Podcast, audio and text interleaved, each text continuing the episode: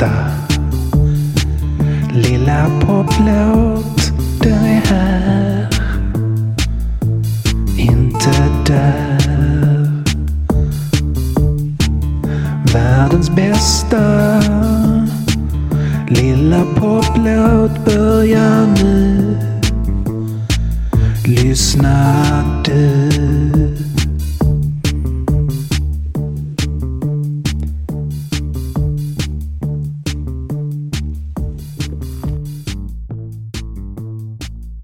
Hej Shavaloba, det här är världens bästa poplåt och den här omgången handlar det om låtarna som har en direkt koppling till ett annat populärkulturellt verk och som kanske blir bättre av det.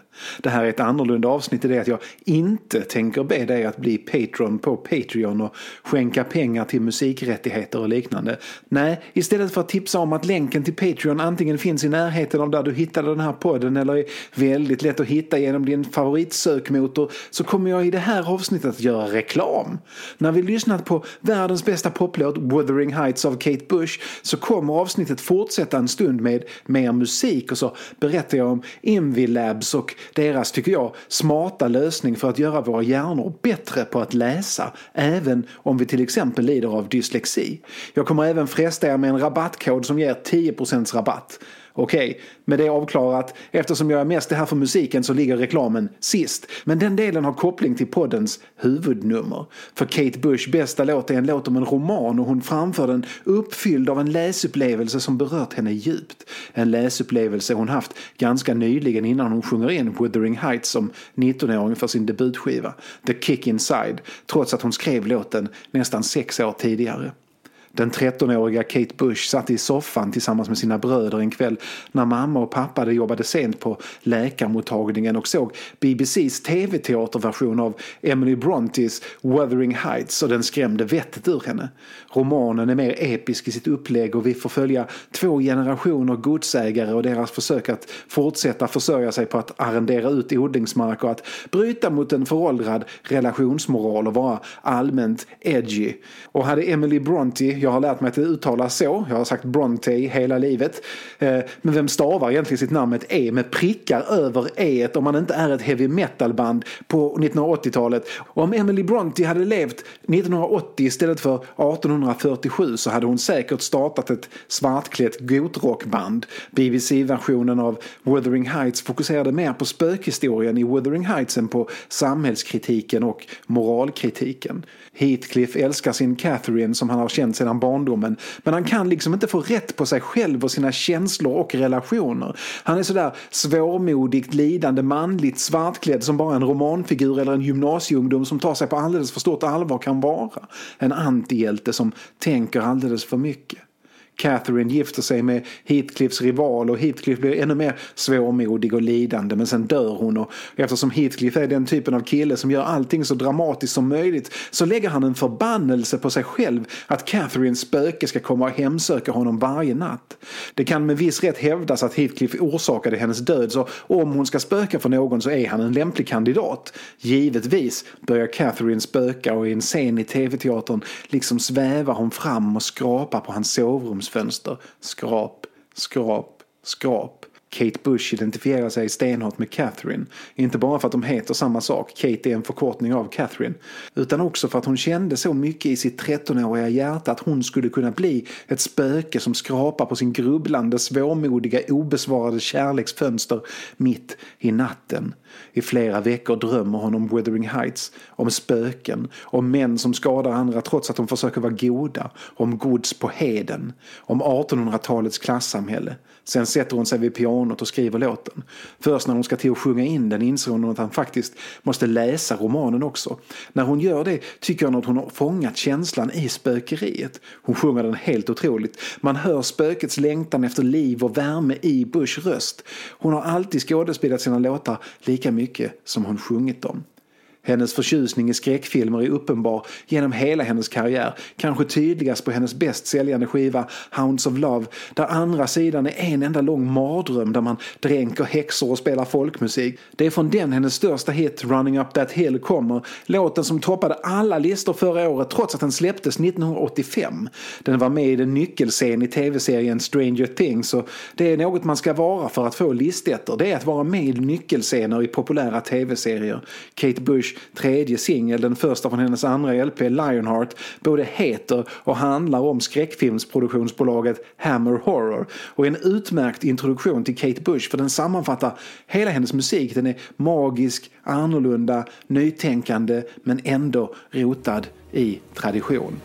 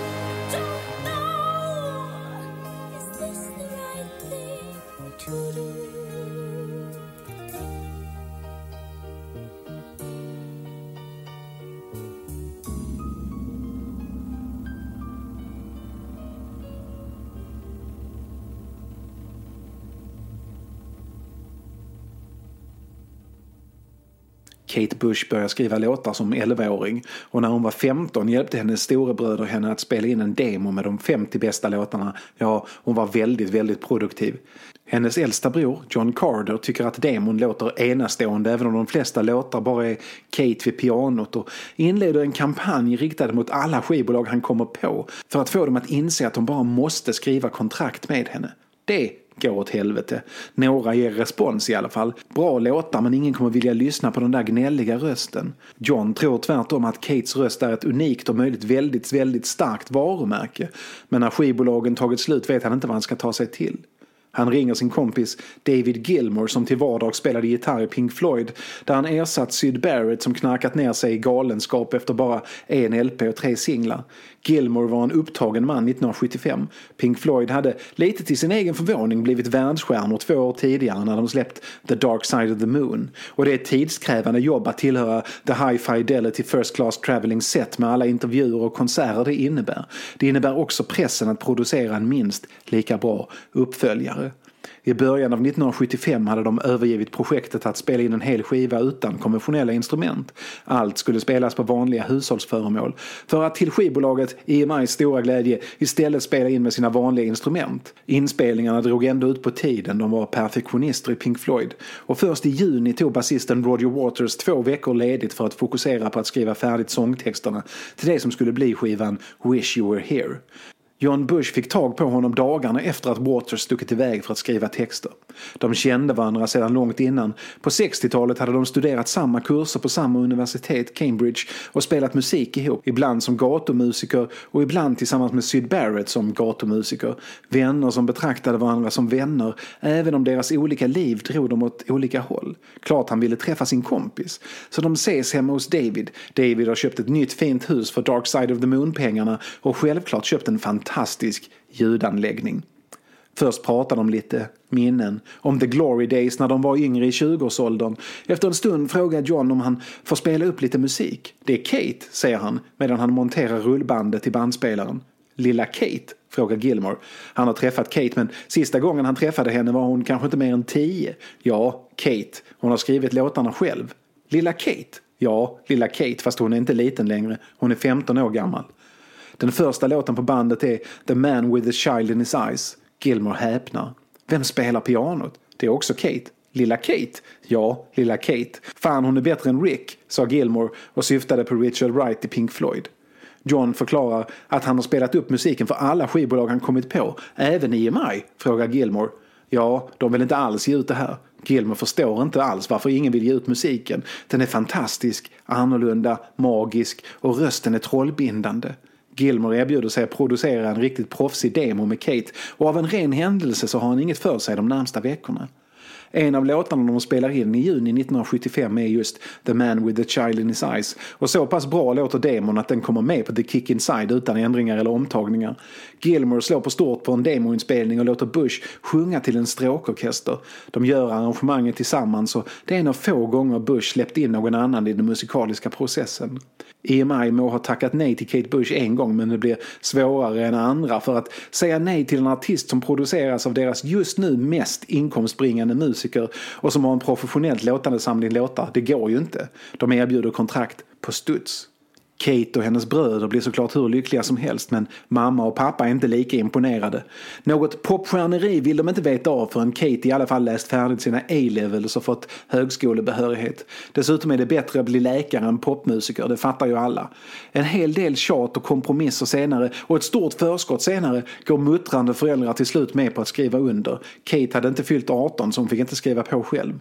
Men Kate måste lova att klara av skolan annars kommer mamma och pappa riva kontraktet. Kate klarar av skolan och hon använder förskottet till att studera interpretiv dans och ballett. Det tror hon att hon kommer få användning för som popartist. Först i januari 1978 går hon in i studion för att spela in fler låtar till LPn. Hon har hunnit bli 19. Men på The Man with the Child in His Eyes är hon bara 15. En av två låtar från den där Gilmore producerade demon som kom med på The Kick Inside. Och den är fenomenal.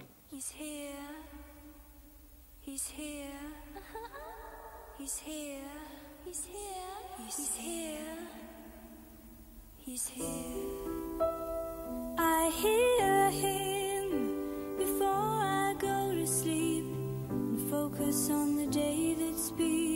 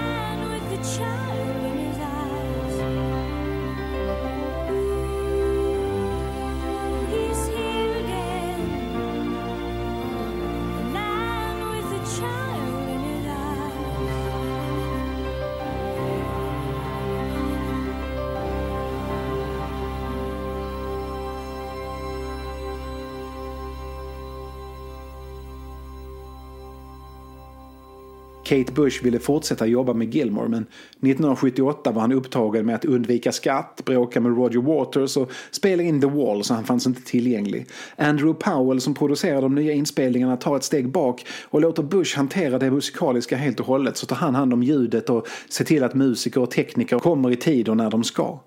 Bush vill att han lär upp henne i hur en studio fungerar också och efter de två skivor de spelar in 1978 har Bush alltid producerat sig själv. Det är självklart för alla att Wuthering Heights är skivans huvudnummer och den ger stort arrangemang för att lyfta fram Bush framförande och stärka låtens hitpotential. För trots att den är märklig, den byter taktarter lite varstans och tempot är något flytande så hörde alla direkt att det där kan bli en hit om vi bara spelar våra kort rätt. Bush rör sig i studion med självförtroende och står på sig när hon kommer med idéer som på pappret låter helt vansinniga. Som till exempel att sjunga Wuthering Heights i en enda tagning till exempel. En rimlig hållning brukar vara att ta en huvudtagning och sen snygga till den genom att ta om delar där något brustit. Eller spela in flera tagningar och klippa mellan dem. Men Bush resonerar att Catherine bara hade en chans att sväva och skrapa på fönstret skrap, skrap, skrap. Så då måste det också låta som att det är den enda gången hon svävar och skrapar på fönstret och då måste sången på hela låten komma från en och samma tagning. Fullständigt logiskt på sitt eget lilla sätt. Lika excentrisk är hon inte när det kommer till pianospelet. Där vill hon inte ha några misstag så de tar om och om och om igen för att få det perfekt. Det är något de återkommer till under hela inspelningen av Kick Inside. Wuthering Heights är den första låten de spelar in och det är också den sista eftersom nästan varje dag det dyker upp något nytt som Bush känner att hon måste förbättra med pianot. Det kanske var en krångligt lång inspelning men resultatet är inget annat än fantastiskt. Wuthering Heights är låten baserad på en tolkning av en roman som gör romanen bättre. Kate Bush blev medskapare i en mer än hundra år gammal berättelse och den som läst, sett eller hört båda kommer för alltid förknippa dem med varandra. Jag tror Kate Bush hade helt rätt när hon insisterade på att låten måste sjungas i en tagning. Det gör den otäckare. Det för in en nerv i den att inte allt är perfekt. Att man hör små andetag som annars hade försvunnit i en putsning. Eller när hennes röst nästan, bara nästan, spricker eftersom hon valt att sjunga den i en tonart som egentligen är en aning för hög. En bra sångare förmedlar känslor och inte bara ord i melodiform. Jag har inga problem som helst att säga att både Lemmy från Motorhead och Kate Bush gjort några av världens bästa sångprestationer. Men Lemmy var, milt uttryckt, inte alls lika flexibel i sin röst som Kate Bush är. Vad båda har gemensamt är den där känslan. För Bush är känslan allt. Oavsett om hon gestaltar ett spöke som hemsöker sin älskade tungsinta älskare eller om hon är med i en skräckfilm från Hammer eller om hon är en drunknande häxa under isen som försöker klösa sig igenom den för att kunna andas eller om hon springer upp för den där kullen så är känslan där. Piano, sång och skådespel, progrock, popmusik och visa på en och samma gång. Wuthering Heights har allting man kan önska sig utom möjligen att han, den nya gitarristen i Pink Floyd, hade producerat det. Det hade varit intressant att höra vad han hade gjort med materialet. Med Wuthering Heights blir Kate Bush den första kvinnan som ligger etta på försäljningslistan i Storbritannien med en låt hon skrivit själv. Hon kommer slå många rekord senare och nå många milstolpar först senare men det här var hennes första, världens bästa poplåt, helt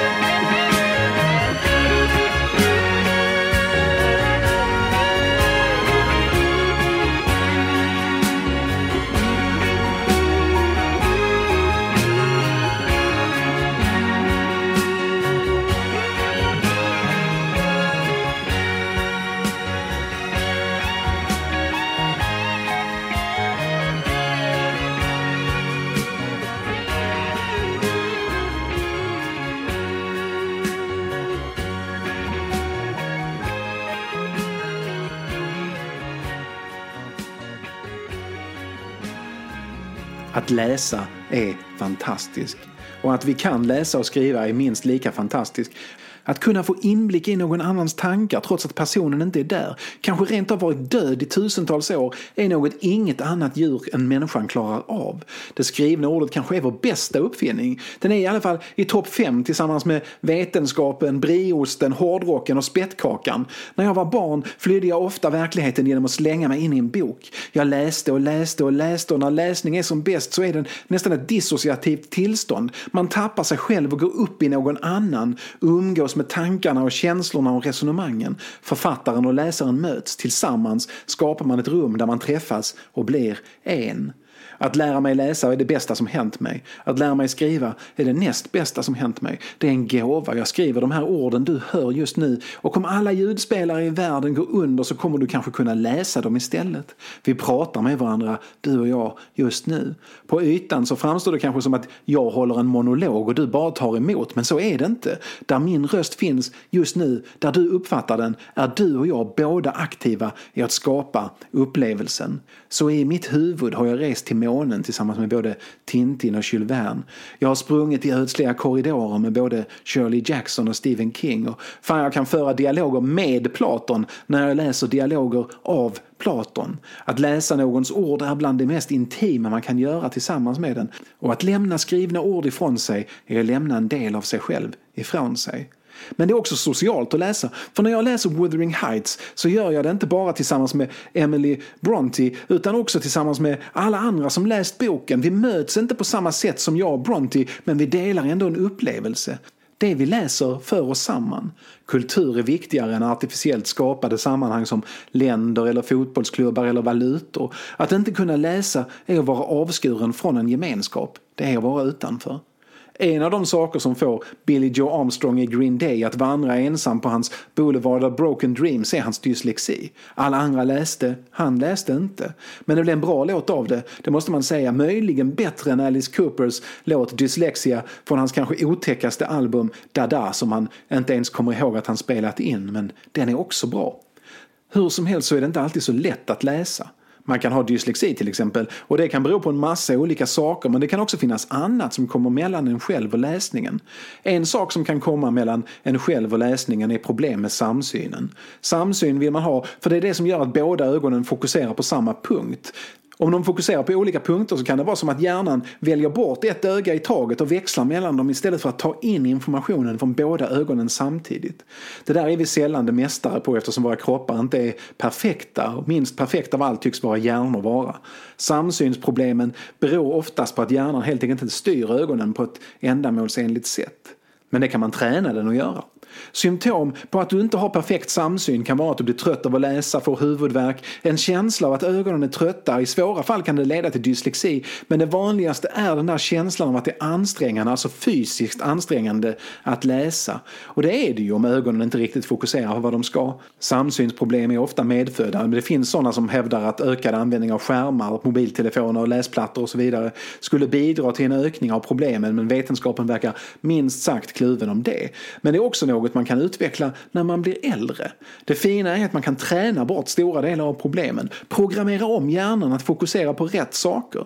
Så om du lider av att vara trött i ögonen, har svårt att läsa eller skriva, svårt att bedöma avstånd för att din hjärna på grund av samsynsproblemen bara använder sig av ett öga i taget, till exempel yrsel, trötthet efter läsning eller bokstäver som liksom bara inte vill sitta still i texten utan hoppa omkring, så skulle du förr i världen ha ordinerats att göra övningar eller använda speciella träningsglas glasögon. Du skulle kanske fått hålla en pinne framför dina ögon och föra den fram och tillbaka i 20 minuter. Upprepa varje dag i en massa månader. Det där är något som fungerar mot samsynsproblem men det har nackdelen att det är skittråkigt. Få har orken att hålla på med det där hela tiden även om man såklart kan kombinera det med att göra något vettigt som att lyssna på första sidan av Led Zeppelins fjärde skiva. Om du börjar med Black Dog så är du klar när de sista tonerna av Stairway to Heaven klingar ut. Men tristessen i övningarna är mer Highway to Hell än Stairway to Heaven. Invilabs har utvecklat en teknik som botar den här livsfarliga tristessen som kommer i vägen för övningar. Och den verkar, här i forskningen, mer överens som att den hjälper även personer utan lässvårigheter att bli bättre på att läsa och ta in texter. Det fiffiga är att man inte behöver pinnar eller klumpiga träningslinser för att träna. Tekniken är just teknik, det är datorer som gör det här. Även om den optiska delen är utvecklad av en forskare vid Karolinska och Sankt Eriks ögonsjukhus. Med hjälp av virtual reality-glasögon så kan man träna ögonen medan man gör något mindre tråkigt än att hålla på och träna, nämligen se på TV. Du tar på dig ett VR-glasögonset, stoppar in din smartphone i hållaren, startar appen och genom appen till exempel SVT Play och så tittar du på vad du vill. Ögonen och hjärnan sätter igång och tränar medan du tittar på vad du nu tycker om. Någon av de numera en 2000 avsnitten av den till synes aldrig slutande tv-serien Rolf Lassgård är deckare till exempel. Det är ansträngande. Det känns som märks att det är träning men det är i alla fall inte tråkigare än de tv-program du väljer att titta på. I skolor skulle man kunna kombinera att träna samsynen med VR-glasögon med att till exempel titta på samhällsorienterade program som Lilla Aktuellt. Om glasögonen fungerar som de ska och följeforskningen visar att det verkar de göra så förbättrar nästan alla sin lässnabbhet och läsförståelse av det. Det hjälper inte mot att vara dum i huvudet. Men är du dum i huvudet så lyssnar du antagligen inte på den här podden. Jag gör inte reklam för saker jag inte tror på. Jag kan inte garantera någonting. Jag är filosof och självutnämnd musikexpert och inte ögonläkare. Men gå in på invilabs.se, alltså imvilabs.se, invilabs.se. Läs reportaget i Sydsvenskan, gör testet som finns på sidan och om du använder rabattkoden KATE K-A-T-E så får du 10% rabatt på träningen. Den är inte jättebillig. Just nu kostar den 2500 för glasögon och app och tester. Och bäst av allt, om du gör det får den här podden pengar. Och dessa kommer gå till att ta fram en liveföreställning med världens bästa poplåt. Krogshowen du inte förrän nu visste att du ville se. Nu blir det rockmusik, för det är vi värda.